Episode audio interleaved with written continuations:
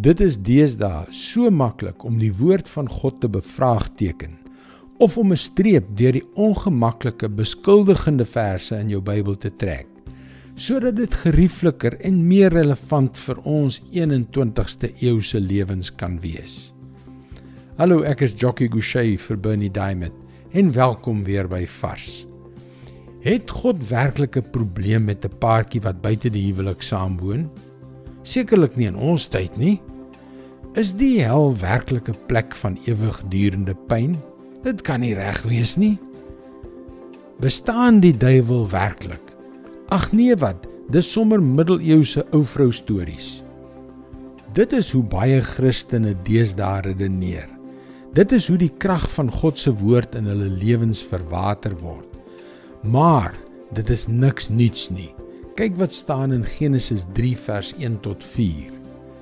Die slang was listiger as al die wilde diere wat deur die Here God gemaak is en het vir die vrou gevra: "Het God werklik gesê: Julle mag van geen boom in die tuin eet nie. Die vrou het die slang geantwoord: Ons mag eet van die vrugte van die bome in die tuin. God het net gesê ons mag nie eet van die vrugte van die boom in die middel van die tuin nie en ons mag dit nie aanraak nie want dan sterf ons. Toe sê die slang vir die vrou: Julle sal beslis nie sterf nie. sien jy? Die vyand het Adam en Eva nie in die versoeking gelei om te moor of te steel of om 'n leuen te vertel nie. Hy het hulle versoek om die woord van God te bevraagteken. Dis waar die moeilikheid begin het. En dit is God se woord vars vir jou vandag.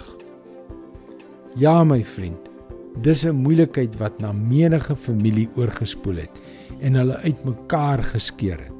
Maar God het jou familie geweldig lief. Jy kan daagliks boodskappe soos hierdie per e-pos ontvang. Gaan na ons webwerf varsvandag.co.za en teken in. En indien jy na vorige vars boodskappe wil luister, hulle is ook almal op Potgooi beskikbaar. Soek vir Vars Vandag op Google of op 'n Potgooi platform soos Spotify. Luister weer môre op jou gunstelingstasie na nog 'n vars boodskap. Mooi loop. Tot môre.